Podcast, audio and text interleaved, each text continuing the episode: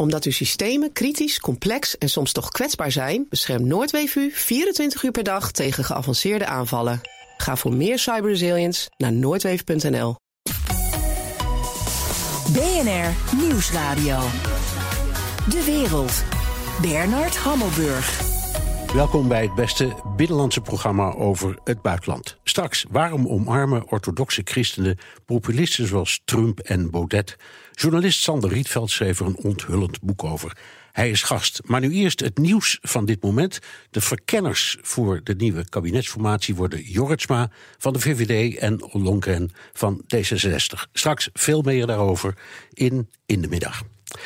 VVD-leider Mark Rutte maakt zich op voor een vierde termijn. Iedereen nogmaals van harte gefeliciteerd. Ik ben super blij en super trots. Maar nu hard aan het werk. Dit was een mooie avond, maar er staat ons heel, heel, heel veel te doen. Dank, dank, dank. Het nieuwe kabinet moet van buitenlandse zaken een topprioriteit maken. Dat zegt de AIV, de Adviesraad Internationale Vraagstukken. Het verwaarlozen van de internationale verhoudingen zal Nederland op achterstand zetten. Ik praat erover met Jaap de Hoop Scheffer, oud-minister van Buitenlandse Zaken, voormalig secretaris-generaal van de NAVO en voorzitter van die AIV. Dag meneer de Hoop Scheffer. Dag meneer. Allereerst Even de korte vraag, kan natuurlijk niet anders. Hoe kijkt u naar de resultaten van de verkiezingen en vooral de wat tegenvallende prestaties van uw eigen partij, het CDA? Nou, wat mijn eigen partij betreft eh, ben ik daar eh, uiteraard, zou ik nou zeggen, teleurgesteld over. En uh, ik feliciteer Mark Rutte, Sigrid Kaag en alle anderen die er zetels bij hebben gekregen. Maar het CDA had, wat, wat mij betreft, wat mijn hoop betreft zeker, had, had beter kunnen scoren. Ja. Moet het CDA nou maar uh, regeringsdeelname een keertje overslaan? Nou, zo'n, uh... ik, vraag, ik herinner me dat heel lang geleden, toen u in de oppositie zat tijdens Paars, wij een keer een interview hadden.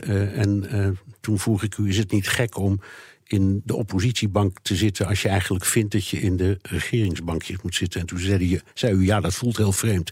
Wordt dit weer een zo'n situatie? Dat, dat, dat, dat weet ik niet. Alleen, alleen toen wij dat interview hadden in Helmerburg, eh, was, was ik, zat ik in de fractie, was ik fractievoorzitter. Ja. Uh, en, en nu ben ik uh, commentator. En ik weet nog uit die tijd van fractievoorzitter. Die zich gingen zitten bemoeien met vragen die nu op tafel liggen, die nu natuurlijk ook op tafel liggen. Uw vraag is zeer relevant. Dat ik me daar dan uh, behoorlijk uh, aan kon storen. Dus laat ik nou maar niet uh, de plaats van de CDA-fractie innemen, die nu bijeen is, als ik het goed heb. Uh, om te bekijken en te bezien uh, hoe deze uh, uitslag moet worden geïnterpreteerd. Ja, niettemin, ik stel de vraag toch. Denkt u dat het weer gewoon dezelfde coalitie wordt? Nou ja, er gaan nu eerst twee, twee, twee verkenners aan het werk van de twee grote winnaars. en die zullen op een bepaald moment, en we kunnen allemaal rekenen en tellen, die zullen op een bepaald moment ervoor proberen te zorgen dat er een coalitie kan komen uh, die uh, in ieder geval in de Tweede Kamer, Eerste Kamer is natuurlijk weer een ander verhaal, die in de Tweede Kamer uh, op een meerderheid kan rekenen. Dat is natuurlijk het uitgangspunt. zo begint in feite iedere informatieperiode. Dus nu zal niet anders zijn. En hoe dat dan optelt en hoe het precies in zetelaantal eruit komt, ja, dat zullen we de komende weken moeten zien. Hopelijk geen maanden, want het land heeft natuurlijk wel behoefte. We hebben haast. Zoals de premier ook diverse malen heeft gezegd, ja. aan, een, aan een relatief snelle formatie. Ja. Europa is in de campagne nauwelijks aan bod geweest. Um, kunnen we uit het succes van D66 en ook Volt afleiden dat Europa voor de kiezer kennelijk wel degelijk een belangrijk onderwerp is? Ja, even, even terug, als u het goed vindt, naar de adviesraad internationale vraagstukken. Wij, wij constateerden dat in de campagne uh, het buitenland vrijwel totaal afwezig was. En dat buitenland houdt dan uiteraard ook in de Europese Unie, hoewel je af kunt vragen of de EU buitenland is, ja dan nee. En toen hebben wij gezegd als adviesraad, wij, wij maken een agenda. Uh, die agenda is breed, die loopt van uh, migratie via het op peil houden van de begroting ontwikkelingssamenwerking, COVID-19, Europese veiligheid. Een, heel, een uitermate breed palet. wat we dan meegeven, dat hebben we ook fysiek gedaan door dat hen te doen toekomen aan politieke partijen en, en, en later ook aan de informateurs en de formateurs. Want het is toch wel uiterst merkwaardig dat in een wereld waar zoveel gebeurt, uh, in een campagne in ieder geval, geen aandacht wordt besteed. En, en waarom denk ik ook, en denken wij ook een beetje om het, om het bijvoorbeeld Europese onderwerp wordt heen gedanst. Ja. Onder het motto, uh, laten we daar maar niet te veel over zeggen. Dan is uw vraag zeer terecht. Als je kijkt naar D66 en je kijkt naar Volt, eh, dan kun je niet eh, met droge ogen beweren eh, dat het een heel gevaarlijk thema is. Nee, nee maar het, het, het stelt misschien ook gerust, want uit die, dat advies dat u hebt geschreven spreekt een zekere onrust. Bestaat het buitenland niet meer? Ik vat het maar even samen. Ja, correct. Ja, en, en tot onze verrassing zien we dat er toch een heleboel kiezers zijn die Europa klaarblijkelijk wel belangrijk vinden. Dat bedoel ik eigenlijk. Dus het sluit misschien wel aan bij dat advies. Nou ja, die, die kiezers, uh, misschien dat een aantal van die kiezers uh, hebben kennis genomen van, uh, van de agenda. Maar ook als dat niet het geval is, dan zie ik in ieder geval uh, in, in uh, het stemgedrag van een aantal kiezers, toch een groot aantal kiezers, zie ik, uh, zie ik die reflectie die wij als adviesraad internationale vraagstukken hebben, hebben uitgegeven, die agenda voor het buitenlands beleid, zie ik terug. Dat moet natuurlijk straks worden, worden ingevuld, want straks komt natuurlijk de harde, komen de harde gesprekken over een begroting ontwikkelingssamenwerking, over de, over de defensie, de, de befaamde, beruchte, beroemde 2%. dus dan is het natuurlijk voor de partijen die dan om de tafel zitten, eh, is, is wel het moment van boter bij de vis gekomen wat ons betreft. Overigens, meneer Hammelburg, ik voeg er nog één ding aan toe. Die adviezen, die zijn voor een groot deel, adviezen van de adviesraad, die komen voor een groot deel, overgrote deel tot stand op verzoek van uh, de regering, op verzoek van het kabinet moet ik zeggen. Ja. Uh, dus het, het, is niet dat wij dat allemaal uit de hoge hoed toveren. Uh, dat is ook door, door het kabinet is dat, is dat ons gevraagd. inclusief een, een advies wat nogal wat aandacht heeft getrokken, bijvoorbeeld over, over COVID-19. Ja, daar komen we direct nog even over te spreken. Maar vroeg dus het kabinet aan u, uh, aan, de, aan het AIV, aan de AIV. Ehm, er is zo weinig aandacht voor uh, buitenlandse zaken. Analyseer dat eens. Of, nee. Nee, hoe, hoe werkt het nee, dan? Zo, nee, nee, nee, sowieso voegen ze dat niet. Uh, er, er, is altijd een, een, bepaald werkprogramma wat de Adviesraad Internationale Vraagstukken heeft. Uh, en zoals ik net zei, de meeste adviezen komen tot stand op verzoek van de regering. Maar die vraagt ons bijvoorbeeld, het kabinet, die vraagt ons bijvoorbeeld... willen jullie adviseren over COVID-19? Willen jullie adviseren over Europese veiligheid? Willen jullie adviseren, ook een, een, een belangrijk punt, ook internationaal... over wat, wat, wat lezen en zien we eigenlijk op het internet... en hoe moet je dat reguleren? Wat is de verantwoordelijkheid van de, van de publieke sector? Uh, wat laat je over aan de private sector? Uh, asiel en migratie, heel moeilijk punt binnen de Europese Unie. Dan moet je dus en binnen de Europese Unie proberen voortgang te maken, afspraken te maken, maar ook juist met de landen waaruit veel migranten afkomstig zijn. Dus een intern pact en een extern pact. Dat was allemaal op verzoek van de, van de regering, zoals het, zoals het meeste. Ja. Um als u nou zo kijkt uh, met uw achtergrond uh, als minister van Buitenlandse Zaken, maar ook als oud uh, secretaris-generaal van de, van de NAVO, een, een typisch transatlantische blik in de ogen toch altijd. Vindt u met een heleboel anderen dat Nederland zich wat meer moet gaan richten op Frankrijk en Duitsland? Eigenlijk wat, wat Van Mierlo van D66 destijds al riep: je nestelde in de oksel van de as Parijs-Berlijn. ja. Nou, dat, dat, ja, u, u, begint uw vraag terecht met vindt u. Uh, dat, dat u is in dit geval weer de, de adviesraad. Want we hebben daar, eh, daar uitgebreid over geadviseerd. En het antwoord is ja, wij vinden inderdaad dat als je kijkt naar de situatie binnen de Unie post-Brexit, uh, dat je moet constateren, ik begin even scherp, dat als Frankrijk en Duitsland het over een bepaald project of punt eens zijn, dat in de regel ook gebeurt. Uh, en als het binnen de Unie gaat over, over stemmen bij meerderheid, hè, bij de gekwalificeerde meerderheid, dat op een groot aantal uh, onderwerpen het geval is, ook dan uh, zijn de consequenties van Brexit groot, omdat het organiseren van een meerderheid, of als je dat zou willen, binnen de Europese Unie het organiseren van een blokkerende minderheid er heel anders uitziet nu de Britten weg zijn. Want die hadden natuurlijk een heleboel stemmen die meetelden, of het zij voor, het zij tegen. Uh, met andere woorden, uh, uh, waar geen meerderheidsbesluitvorming is, daar is het sowieso politiek als Frankrijk en Duitsland het eens zijn. En anders zul je als Nederland, als het om, om, om, om meerderheidsstem, op meerderheidsstemmingen aankomt, zul je als Nederland je bondgenoten moeten zoeken. Maar ook daar hebben Frankrijk en Duitsland weer veel in de melk te brokkelen qua ja. aantal. En ik voeg daar even aan toe, dat is relatief nieuw. Uh, ik denk dat we er ook rekening mee moeten houden dat met uh, premier Draghi in Italië, een man natuurlijk met een enorm Europees gezag, ook Italië uh, een, een, een, een belangrijke rol gaat spelen en zijn partij zal willen meeblazen. Maar nogmaals, Frankrijk-Duitsland kern uh, en op andere onderwerpen zul je op een bepaald moment medestanders moeten zoeken. Dit is BNR De Wereld. Mijn gast is oud-minister van Buitenlandse Zaken Jaap de Hoop Scheffer.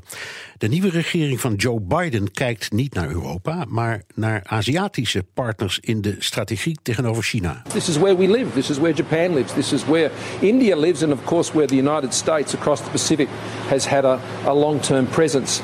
And so this is about an anchor for peace and stability in the Indo-Pacific, and that benefits all nations. Dat was de Australische premier Scott Morrison over de nauwere samenwerking in de regio.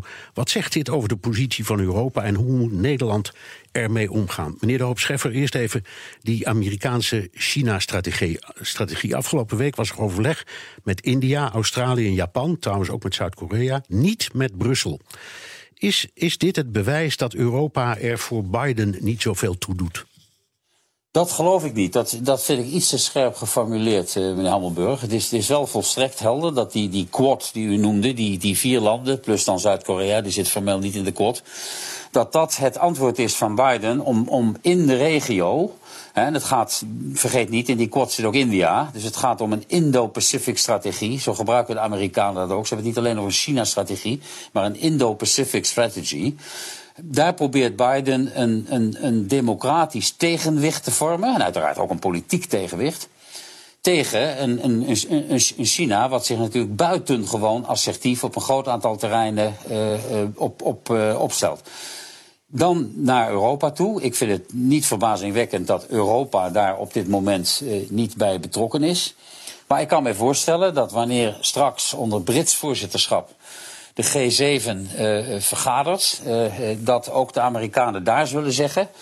Uh, wij willen daar, dat heeft Biden ook wel eens publiek gezegd, wij, wij willen komen tot een, een zekere alliantie van democratieën. Dat is dan breder dan alleen wat in de, in de uh, Pacific gebeurt.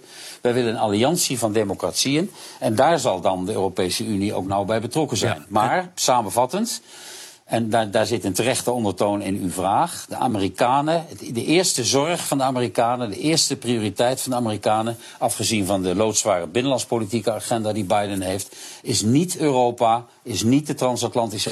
Hoe gaan wij om, hoe ga ik om met rivaal supermacht China? Ja, en eh, dan toch de voor de hand liggende vraag, want uw advies gaat over de Nederlandse buitenlandse politiek. Hoe moet Nederland zijn positie kiezen in deze toch iets draaiende wereld zoals die onder Biden aan het ontstaan is? Nou, door, door een, een actief, actieve diplomatie op alle terreinen. Daarvoor heb je over, zeg ik er met één bij, een, een apparaat nodig wat die taak aan kan. En er is ook heel veel op de buitenlandse dienst bezuinigd in de afgelopen jaren. Daar, heb je, daar moet je voor in de haarvaten van die hoofdsteden eh, kunnen treden. Nou, dat doen diplomaten. Je moet precies weten wie waar wat over denkt. En dan je minister of ministers eh, van de juiste informatie voorzien. Dus dat vereist allereerst een hele actieve diplomatie. Zowel binnen de Europese Unie uh, als daarbuiten. En dat, dat betekent, dus, dat betekent dus, er was een tijd de neiging om consulaten en ambassades te sluiten. U zegt stop daarmee, dat moet allemaal weer open. Nou ja, allemaal weer open. Daar moeten uiteraard prioriteiten worden gesteld. Maar ook ik heb, moet ik u eerlijk zeggen, eh, een, ontboezeming zal ik doen in Helmelburg. Ook ik heb jaren geleden wel eens gedacht, nou ja, naarmate de Europese Unie natuurlijk verder integreert, hebben we eh, in, in die Unie in ieder geval geen diplomaten meer nodig. Nu is mijn standpunt, je hebt juist in die Europese Unie, uh, die steeds verder gaat en over steeds meer onderwerpen wil delibereren, heb je in, ook in die Europese hoofdsteden heb je hoge kwaliteit diplomaten, een hoge kwaliteit apparaat nodig om precies te weten wat, wat Denemarken wil, precies te weten wat Berlijn wil. En dat haal je ondanks kranten en social media en moderne communicatiemiddelen toch, toch niet altijd daaruit. Diplomatie is wat mij betreft uh, gebaseerd uh, in hoofdzaak op, op vertrouwen. Het vertrouwen van elkaar, het vertrouwen van je onderhandelingspartner. Ja, we hadden het, u liet het ook al vallen, die 2%-norm. Dat betekent dus dat, een, dat de leden van de NAVO uh, destijds een afspraak hebben gemaakt dat ze, zouden, dat ze 2% van hun bruto nationaal product aan uh, defensie zouden besteden. Dat is niet gelukt. U roept ertoe op om dat snel te doen. Dat zou betekenen, als je dat nu doet, een, een verdubbeling van het huidige defensiebudget. Midden in ja. de coronacrisis. Is dat haalbaar? Ja, dat is, dat is eh, een goede vraag die u mij stelt. Uh, of het haalbaar is of niet haalbaar is. Uh, of we helemaal alles krijgen, dat, dat is natuurlijk ook maar de vraag. Maar ik, wij stromen niet als, als adviesraad internationale vraagstukken om, om, om te blijven aandringen op het, op, op, het, op het honoreren van de verplichtingen die je aangaat. Dat, dat geldt mutatis mutandis, geldt dat ook voor het bezet ontwikkelingssamenwerking. Nou weet ik wel, dan kunt u zeggen, hier, hier is er iemand die vanuit de leunstoel een aantal miljarden, vele tientallen miljarden uit de hoed tracht te toveren. Nou, die miljarden heb ik niet. Maar op het moment dat er een minister van Defensie is, en ik begrijp dat zij dat zegt, mevrouw Bijleveld, die zegt de krijgsmacht in de huidige situatie kan zijn taken niet meer uitvoeren, dan gaat bij mij toch wel een, een, een stormbal of twee de lucht in, moet ik u eerlijk zeggen. Ja. Dus, dus en, dan, denkt u dan, wij zijn een rijk land, dan moeten we maar op iets anders wat wegkrabbelen, maar dit gaat dan voor. Nou ja, dan, dan, dan zijn we weer bij, bij de formatie van een, van een nieuw kabinet. Daar moeten uiteraard afwegingen worden gemaakt. Ik weet ook wel dat we morgen de 2% niet halen. Wij, wij zeggen deze kabinetsperiode, nou, dat is al een jaar langer dan op de NAVO-top uh, in 2014 is afgesproken. Want dan, dat zou 2024 moeten zijn. Uh, ik, ik realiseer me wel dat dat allemaal niet tegelijk en direct haalbaar is. Uh, ja, daar zitten nu politici voor om afwegingen te maken. Maar laten we ook constateren, collectief alle partijen, eh, eh, inclusief zeg ik weer even niet als AIV-voorzitter, maar als Jaap van mijn eigen partij. Collectief dragen wij daar verantwoordelijkheid voor. Het is toch een beetje dol hè, dat, dat Alexander Ribbink, een, een, een particulier, eh, ik vind het een prachtig initiatief overigens, heb de petitie getekend, maar dat er een particulier initiatief nodig is met een, met een campagne in de media eh, om, om, om onder de aandacht te brengen eh, dat het niet alleen gaat uh, over, over, over allerlei binnenlandspolitieke onderwerpen, maar ook over de verdediging van onze eigen veiligheid. Niet alleen in Nederland, maar breder in de wereld. Staat ook in de grondwet. wij, wij moeten de internationale bijdragen aan de internationale rechtsorde. Nou, artikel 96, we moeten onszelf verdedigen en we moeten bijdragen aan de internationale rechtsorde. Ja, en we hangen in voetbaltermen hangen we, hangen we onder in het rechte rijtje. We zijn een soort RKC, Bouwwijk. met, met respect voor die, voor die ploeg overigens. Okay. Een mooie ploeg, maar ze hangen wel onderaan in het rechte rijtje. ADO nog erger overigens. Ja, dank Jaap de Hoop Scheffer. In dit, op dit moment even Hagenaar. Oud-minister van Buitenlandse Zaken, voormalig secretaris-generaal van de NAVO... en voorzitter van de AIV. De wereld. Tijd voor een blik op Europa. Geert-Jan Haan, maker van onze kerstverse Europa-podcast, is aangeschoven. Uh, Geert-Jan, hoe reageren onze buurlanden op de vriesingsuitslag in Nederland? Ja. En Geert-Jan, jij hebt daarvoor een aantal mensen gesproken. Ik was benieuwd, Bernard, wat in de Europese media en politiek nou ter sprake komt, hoe de berichtgeving is over Nederland, over de uitslag.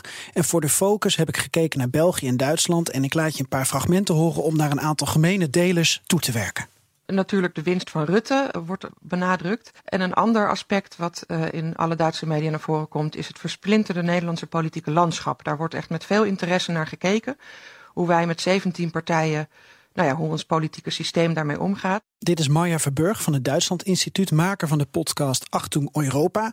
En er is grote interesse voor de versplintering van het Nederlandse landschap dus. En die komt voort uit het feit dat Duitse journalisten en politici... dat die vaak stellen dat Nederland ook een, een soort voorland voor Duitsland is. Wat in Nederland gebeurt of in gang wordt gezet...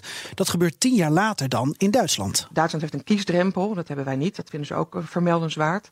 Uh, maar dat betekent dat bijvoorbeeld in het Duitse parlement maar zes fracties zitten. En in de deelstaten zie je de afgelopen jaren in Duitsland dat uh, er steeds meer partijen nodig zijn om een regering te vormen. Maar dat is dus een ontwikkeling die daar redelijk nieuw is. Dus ja, de, daarom vinden ze ons versplinterde landschap uh, erg interessant. En dat geldt eigenlijk ook voor België, stelt Jeroen Rijgaard. Hij volgt Nederland voor de Vlaamse VRT.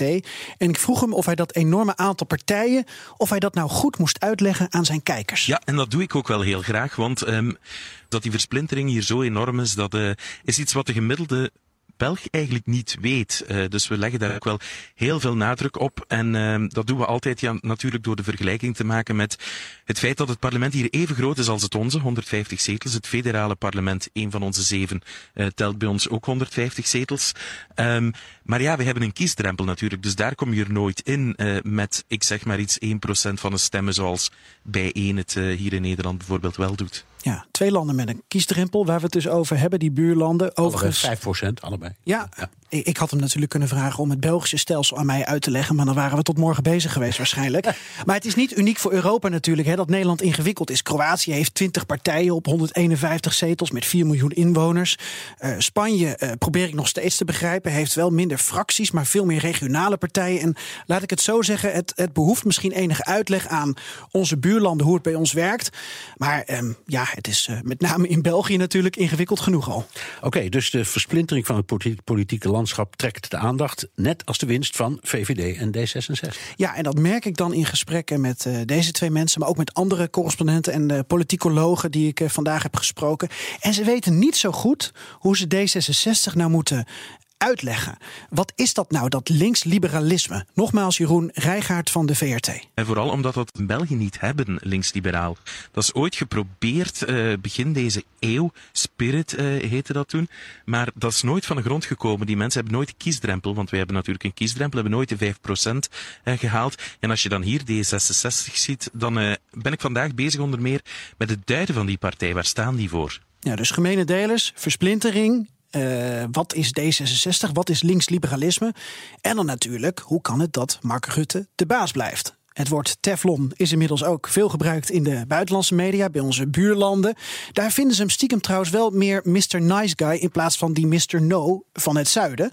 Uh, al weten we natuurlijk nog, Bernard, afgelopen zomer in de Frankfurter Allgemeine Zeitung een vernietigend stuk over hoe Rutte zich had opgesteld met dat corona-herstelfonds voor de zuidelijke landen. Maar ze hebben in Duitsland dus ook wel respect voor zijn leiderschap en hoe hij de regie heeft gehouden, met name in de coronapandemie. Ja, en dan Vlaanderen daar vinden ze Rutte eigenlijk gewoon wel leuk. Tuurlijk, gek dat hij na een kindertoeslagenaffaire en een corona-aanpak die in twijfel wordt getrokken en nog een paar andere zaken, gaswinning in Groningen, dat hij dan nog zo makkelijk weer de winst pakt. Maar Rutte pakt blijkbaar ook Vlaanderen in met zijn voorkomen. Ook wij vinden Mark Rutte best wel iemand die we graag op tv zien komen. Ook wij worden daar wat goed gezind van, uh, om het op zijn Vlaams te zeggen. Wij associëren hem echt wel met Nederland, een, een premier die het lijkt banaal hoor, maar een premier die op de fiets naar de koningin rijdt, een premier die vanuit zijn ambtswoning op de fiets naar zijn werk gaat, die ook in de stad uh, woont waar hij werkt. Voor ons ademt Rutte gewoon Nederland. Ja. Ja, ik. Ik zie ook overal ja. foto's vandaag, ook ja, in de Duitse media, Rutte op de op fiets. Op de fiets, altijd. altijd. Wat een stunt van hem. Ja. Vanavond komt er een nieuwe aflevering van de Europa-podcast online. Wat gaan Steven de Vries en jij doen? Uh, we gaan door op dit onderwerp, maar dan Europa breed. Dus we praten ook over uh, de kijk op Nederland vanuit Spanje, Polen, Frankrijk, Italië. Maar met focus op Duitsland en Bulgarije. En waarom? Daar zijn de volgende verkiezingen. En zij hebben dus met veel interesse gekeken naar hoe Nederland dat in coronatijd heeft gedaan, in tijd van een pandemie. En ze vinden het bewonderenswaardig dat ons opkomstpercentage 82,6% is. Daar praten we dus over door in de Europa-podcast. Dankjewel, Europa-verslaggever Geert-Jan Haan. De wereld. Donald Trump omarmde de evangelische christenen om de macht te veroveren. We're here for a very simple reason to defend the right of every child born and unborn to fulfill their God-given potential. Dat was Trump in 2019 bij een anti-abortusdemonstratie. Ook in Europa omarmen de evangelische christenen rechtse leiders. Waarom trekken die groepen elkaar aan? Ik praat erover met Sander Rietveld, journalist voor Zembla en schrijver van het boek Nieuwe Kruisvaarders: De Heilige Alliantie tussen orthodoxe christenen en radicaal rechtse populisten. Fijn dat je er bent. Gefeliciteerd met je boek. Dankjewel. Ja. Je hebt het geschreven omdat jou opviel dat de afgelopen jaren steeds vaker prominente orthodoxe christenen bekende rechtse politici omarmen. Ja, dat klopt. Ja. En dat, uh, ik, ik kom zelf uit orthodox-Calvinistische hoek. Uh, zo ben ik opgevoed. Uh, ik ken die wereld goed. En wat mij eigenlijk opviel, al rond Trump, maar ook al eerder rond Wilders en ook rond Baudet, is dat er allerlei, um, nou ja, min of meer bekende orthodoxe gelovigen zich achter die populisten scharen. En dat vond ik fascinerend. Van hoe komt dat nu eigenlijk? Wat zit er dan in dat geloof? Wat hen daar vatbaar voor maakt, hè, voor dat rechtse radicale populisme. Even, even een definitieding. We hebben het over christenen, orthodox christenen, en we hebben het over de evangelische beweging. Is dat, dat is toch niet precies hetzelfde? Nee, dat is zeker niet hetzelfde. Althans, de evangelische christenen vormen een onderdeel van, de orthodoxe, van het orthodoxe christendom. En orthodox definieer ik als dat je gelooft dat de Bijbel het woord van God is, ja. eh, dat Jezus lichamelijk is opgestaan uit de dood. Dat je allemaal van dat soort christelijke dogma's onderschrijft. Nou, dan heb je verschillende stromingen natuurlijk binnen het christendom. Katholicisme en protestantisme. Uh, de, de, de SGP, de ChristenUnie, uh, die zitten dan meer aan die protestante kant, protestantse kant. Uh, maar je hebt ook nog een evangelische beweging, uh, die we de meeste mensen ook wel kennen als een soort van halleluja geloof. Hè. Zo heet het dan een beetje in de volksmond. Dat uh, is een wat vrolijker geloof, maar ook orthodox. Ook daar onderschrijft men deze christelijke dogma's. Ja. Een paar voorbeelden gaan we pakken. In, in, eerst Nederland. Binnen de ChristenUnie is er een intern debat of ze het soort nationalisme van Baudet zouden moeten overnemen. Je schrijft dat rijke SGP'ers Baudet in de beginjaren financieel hielpen. Waarom? Ja, ik denk omdat zij um, uh, zich aangesproken voelen door, um, door zijn verhaal over het cultuurchristendom. Um, Baudet hamert continu op uh, Europa is een christelijk werelddeel. Nederland is een christelijke natie. We hebben een prachtige geschiedenis. Hij noemt het christendom ook onze fantastische religie. dat is niet omdat hij nou zo orthodox gelovig is, omdat hij nou in Jezus gelooft. maar meer omdat hij uh, de cultuur en het land en het volk wil afbakenen. Uh, hij wil vreemde ziektekiemen, zoals hij dat dan noemt, buiten de deur houden. Uh, hij wil uh, Europa en Nederland dominant blank houden, zoals hij dat dan zelf ook zegt. Um, dat is, uh, het is niet zo dat die orthodoxe christenen allemaal heel erg racistisch zijn. Sowieso moeten de meeste orthodoxe christenen hier niet zoveel van hebben. Maar sommigen onder hen um, voelen wel iets voor zijn cultuurchristelijke agenda. Zij, willen, hebben eigenlijk een, een, een, een, verlangen terug naar de christelijke geschiedenis van Nederland, van, van, van Europa. Uh, zien dat dat verloren is gegaan. Het is natuurlijk ook deels een mythologisch verleden, want zo christelijk was het nou ook allemaal weer niet in het verleden. Maar Um, ze, ze, willen dat eigenlijk terug. Um, dat kan niet meer. Ze zijn een minderheidsgroepering geworden. En nu is daar opeens iemand die zegt: Ja, ik vind dat ook een fantastisch verleden. Ik wil dat ook. En natuurlijk niet in de zin van um, weer patriarchale verhoudingen tussen man en vrouw en dergelijke. Maar wel ja, dat, dat het christendom er weer toe doet. Uh, en dat we onszelf ook weer als zodanig definiëren. Plus ja. dat er dus vijanden zijn, buitenstaanders, die hier niet horen de islam. Eh, dat, zo wordt er in SGP-hoek ook heel duidelijk over de islam gedacht. Um, en in een deel van de ChristenUnie-achterban ook. Als je ziet wat Segers daar allemaal over, over meldt. Um, dus, dus dat verhaal biedt ook een, een nou ja, laten we zeggen, een vijand. Hè? En, uh... Maar is het niet zo, voor iemand die uit jouw eigen achtergrond komt, dat het een betere doel is om te zeggen: als dat zo is, dan bekeren we die mensen. Dan wordt onze doelstelling net zo te maken als wij. Want dat is wat evangelisten doen. Ja, maar um, het, het, het, het gaat ook heel erg over um, de gemeenschap. Het, het, het idee van een volk, wat, uh, wat je ook ziet in bepaalde uh, protestantse uh, tradities. Het, het idee van dat uh, land en volk bij elkaar horen, dat God daar ook um, bepaalde volken in bepaalde landen heeft geplaatst. Dat je ook ja, dat die daar horen en anderen dus niet. Hè. Uh, ja, dat, dat speelt daar een belangrijke rol ja. En je ziet dat dus in het Nederlandse politieke landschap ook wel een beetje gebeuren, zoals jij dat. Ja, je ziet bijvoorbeeld bij de SGP, daar is ook kiezersonderzoek naar gedaan, dat de, dat, dat de achterban van de SGP sterk, wat we dan noemen, nativistisch denkt. Die denken heel erg in, het, in termen van um, het volk en het land horen bij elkaar. Eh, zoals een oud, oud volkslied zegt, van vreemden smetten vrij. Hè. Dat, dat, dat idee leeft sterk in de SGP-achterban. Uh, dus mensen met een andere godsdienst, uh, die, ja, die horen hier dus eigenlijk niet. Nee. En, maar goed, ik, ik herinner me uit mijn eigen jeugd dat de Rooms-Katholieken werden geminacht. Uh, want die werden ook eigenlijk ja. niet helemaal als Nederlands klopt, gezien. Klopt, Nederland was van origine in deze... We hadden zelfs een staatsgodsdienst. Volgens mij was de hervormde kerk tot 1973. Dat is heel lang geleden, ja. Nee, dat ja. was de staatsgodsdienst. Ja. Nou ja, wat in protestantse kring lang uh, gebruikelijk was, is uh, om Nederland te zien als een Calvinistisch, een protestants land. En de katholieken, inderdaad, daar heb je helemaal gelijk in, werden in het verleden ook gezien als een soort buitenstaanders. En mogelijk mensen met een dubbele loyaliteit, want het Vaticaan zou dan boven Nederland gaan. Hè? Dat, dat idee. En eigenlijk kan je zeggen dat op die manier denken over Nederland als een christelijke natie, dat gebeurt nog steeds. En nu zijn niet de katholieken, maar de moslims de buitenstaanders. Ja. Um, laten we even kijken naar een paar andere landen. Uh, je hebt het Rooms-Katholieke Polen. Uh, daar, daar heb je toch ook die enorme strikte anti-abortuswetten, homovrije zones. Dat zit allemaal in dezelfde sfeer. Hongarije met een Calvinistische uh, premier Orbán. Ja. Uh, die wil ook het christelijke Europa uh, beschermen. Is dat allemaal één pakket? Nou, één pakket. Ik zou er wel een beetje onderscheid in ja. willen maken. Maar wat, wat de gemene deler is, ook daar zie je dat Europa wordt opgevat als een christelijk domein. Hè, het christendom. Niet het christelijk geloof in de zin van een soort van individuele verhouding tussen God en mens, maar meer een meer een domein waar een gemeen, culturele gemeenschap leeft, die wordt gedomineerd door het christendom. En, en dat betekent ook dat er bepaalde mensen niet bij horen.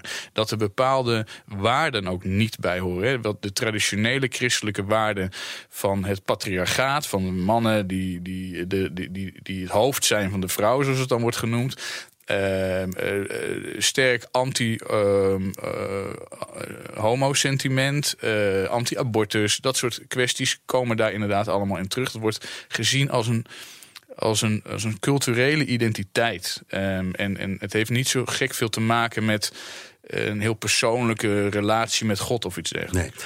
In je boek heb je, leg je een duidelijke link met de tussen evangelische christenen in Amerika en bijvoorbeeld Trump de steun van die groep aan Trump. Ja, ja. Um, en het viel jou op dat bij de bestorming van het kapitool ook mensen met kruisvaardersvlaggen liepen. Ja, ja, ja. Wat, vertelt jou dat?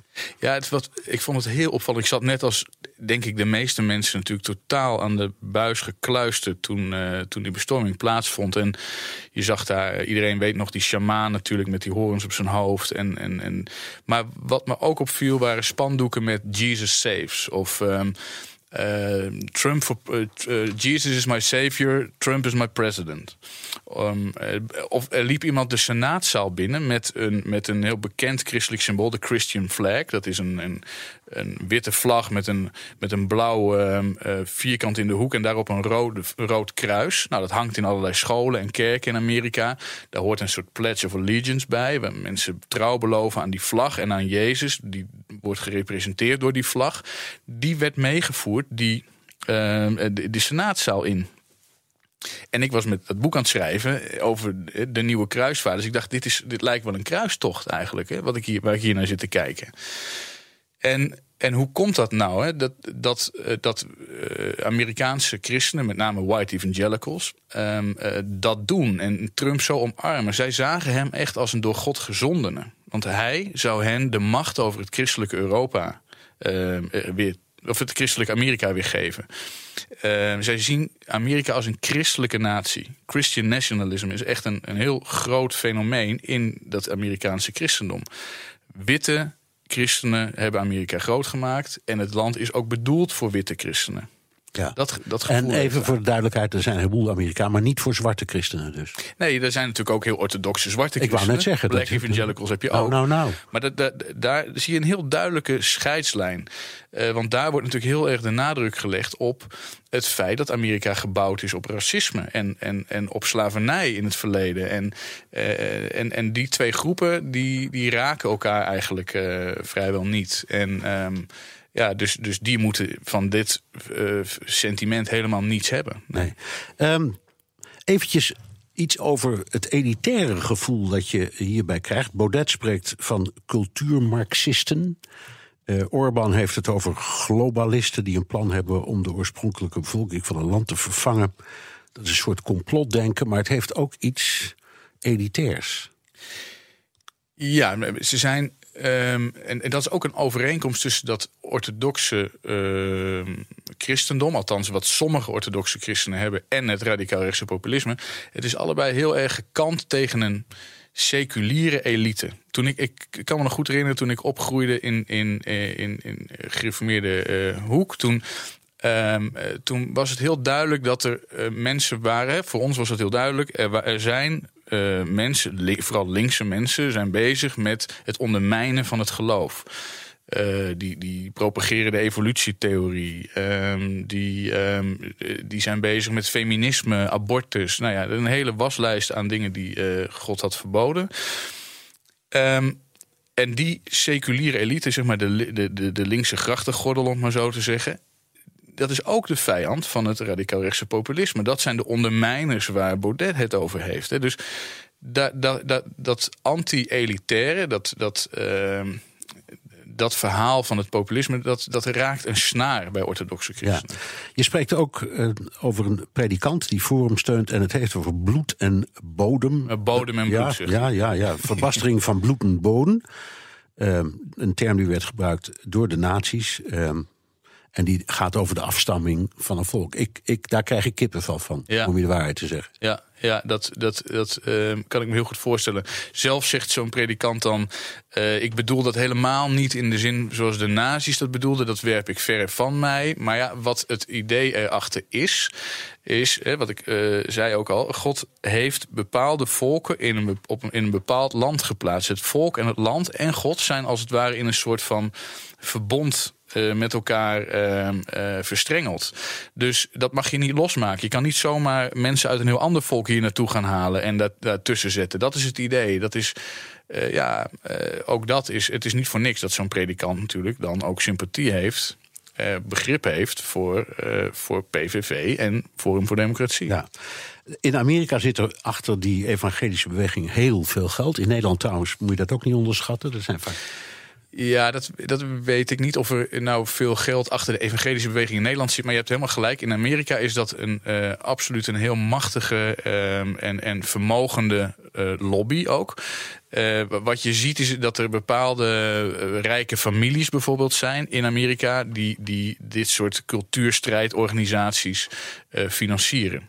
Um, en, en dan heb je het bijvoorbeeld over de familie De Vos, hè, van Betsy De Vos. Die was minister, minister van, van, van, onderwijs. onderwijs, ja. ja. ja allemaal uit Michigan. Uit Holland, Michigan, ja. ja. Precies, ja. Want die hebben een Nederlandse, nou ja, dat ja. zul je wellicht uh, uit jouw verleden nog wel goed heb weten. je ook die Van Arkel.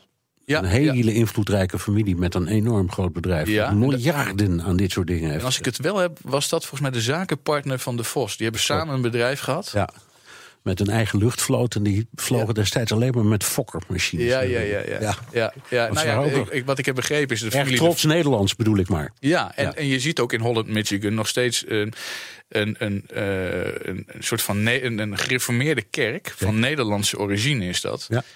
Um, uh, nou, dat is daar groot. Die familie is heel rijk en financiert eigenlijk uh, organisaties die ernaar streven om een, een echt um, orthodox-christelijke agenda uh, uit te voeren. En dan hebben ze ook iets dat heet Agenda Europe.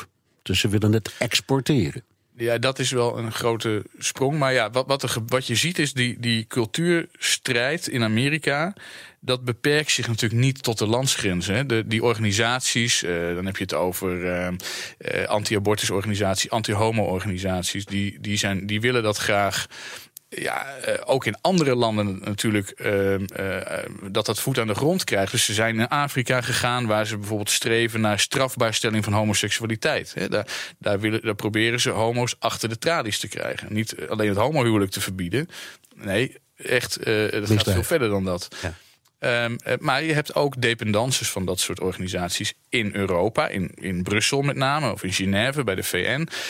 En die worden vaak gefinancierd vanuit Amerika. Vanuit diezelfde, vanuit datzelfde conservatieve netwerk. En het gaat voor Amerikaanse begrippen niet om zo heel veel geld. Maar voor Nederlandse of voor Europese begrippen is het een, een behoorlijk bedrag. Eh, de laatste tien jaar om zo'n 100 miljoen dollar. Ja.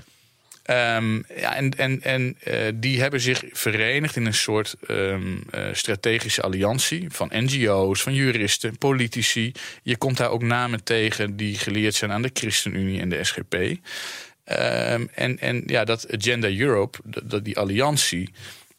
Ja, daar zijn documenten van naar buiten gekomen. Dat waaruit blijkt dat in ieder geval sommige leden daarvan uh, er zeer extreme denkbeelden op nahouden. Bijvoorbeeld het strafbaar stellen van homoseksualiteit, een verbod op de verkoop van de pil, het tegenwerken van scheiding, um, uh, het, afschaffen van alle antidiscriminatiewetgeving. Uh, want men wil onderscheid mogen maken tussen homo en hetero op grond van de Bijbel.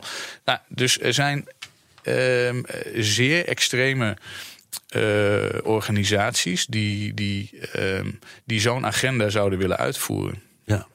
Dankjewel, Sander Rietveld, journalist voor Zembla en schrijver van het boek Nieuwe Kruisvaarders, de heilige alliantie tussen orthodoxe christenen en radicaal-rechtse populisten. Vanavond in Zembla, mede van jouw hand, de rechtse revolutie.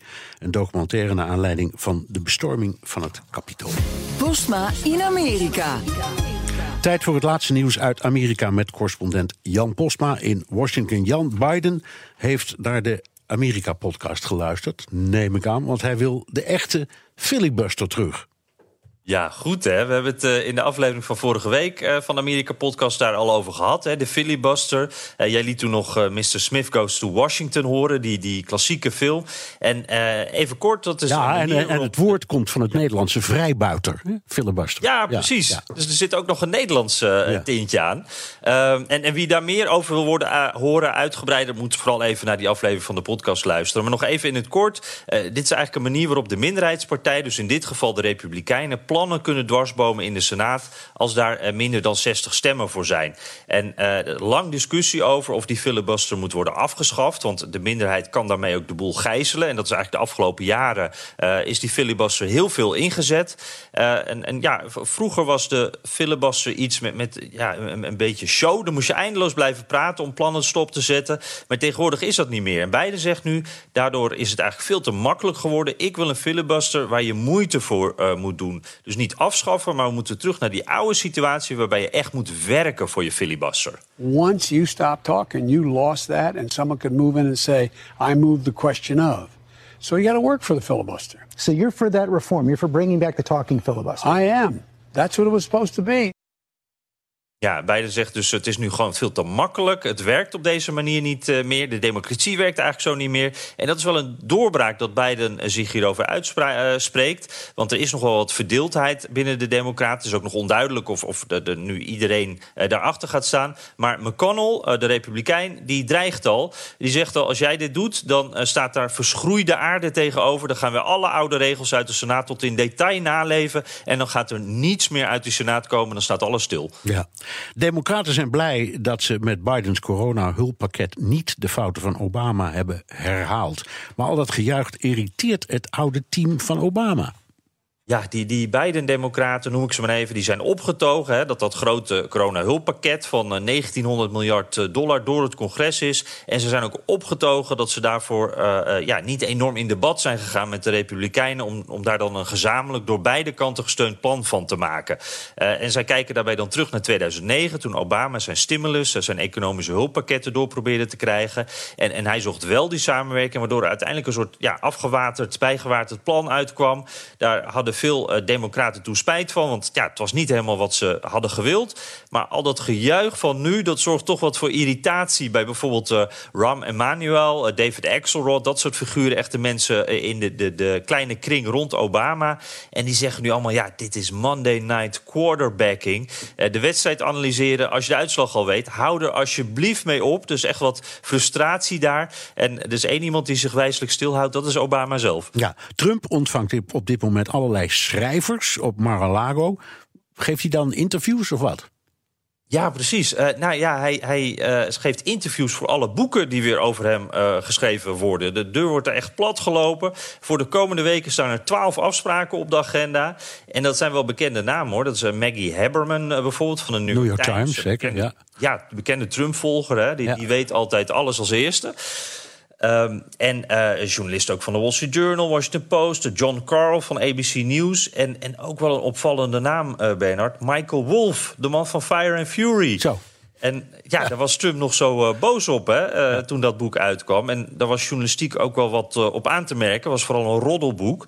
Maar we krijgen dus straks weer een hoos aan boeken over Trump. Veel follow-ups van bekende titels. En, en Trump werkt er dus allemaal aan mee. En waarom?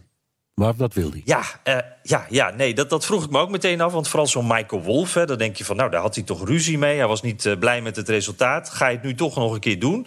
Uh, ja, Trump die, die gelooft niet in, in no comment. Die, die, die denkt dat je altijd maar moet reageren... want dan kan jij bepalen wat het verhaal gaat worden. Hou je de, de regie in handen. En om hem daar ook bij te helpen, zoals zijn speechschrijver... Steven Miller, ook een bekende naam... Hè, die, die zal er ook bij zitten om dat verhaal te bewaken. En hij wil natuurlijk in de aandacht blijven voor, voor die midterms volgend jaar. Om daarvan invloed te zijn en ook voor zijn eventuele plannen in 2024, mocht het zover komen. En Bernard, ja, uh, we weten het, hè? hij houdt van aandacht, heel veel aandacht. Dus hoe meer mensen op audiëntie komen daar oh, in dat paleis Mar-a-Lago, hoe beter. Dankjewel. Jan Postma, correspondent in Washington. Wilt u meer horen over het fascinerende land? Luister dan naar de Amerika-podcast. Jan had het er net al over. Er staat net een nieuwe online. En tot zover BNR De Wereld. Terugluisteren kan via de site, de app, Spotify of Apple Podcast. Reageren kan via mailtje naar dewereld.bnr.nl. Tot volgende week omdat u compliant en in controle wilt zijn, zorgt Noordweef voor een altijd soepel draaiende security office. Met uw eigen CISO of die van ons. Ga voor meer cyber resilience ook naar noordweef.nl.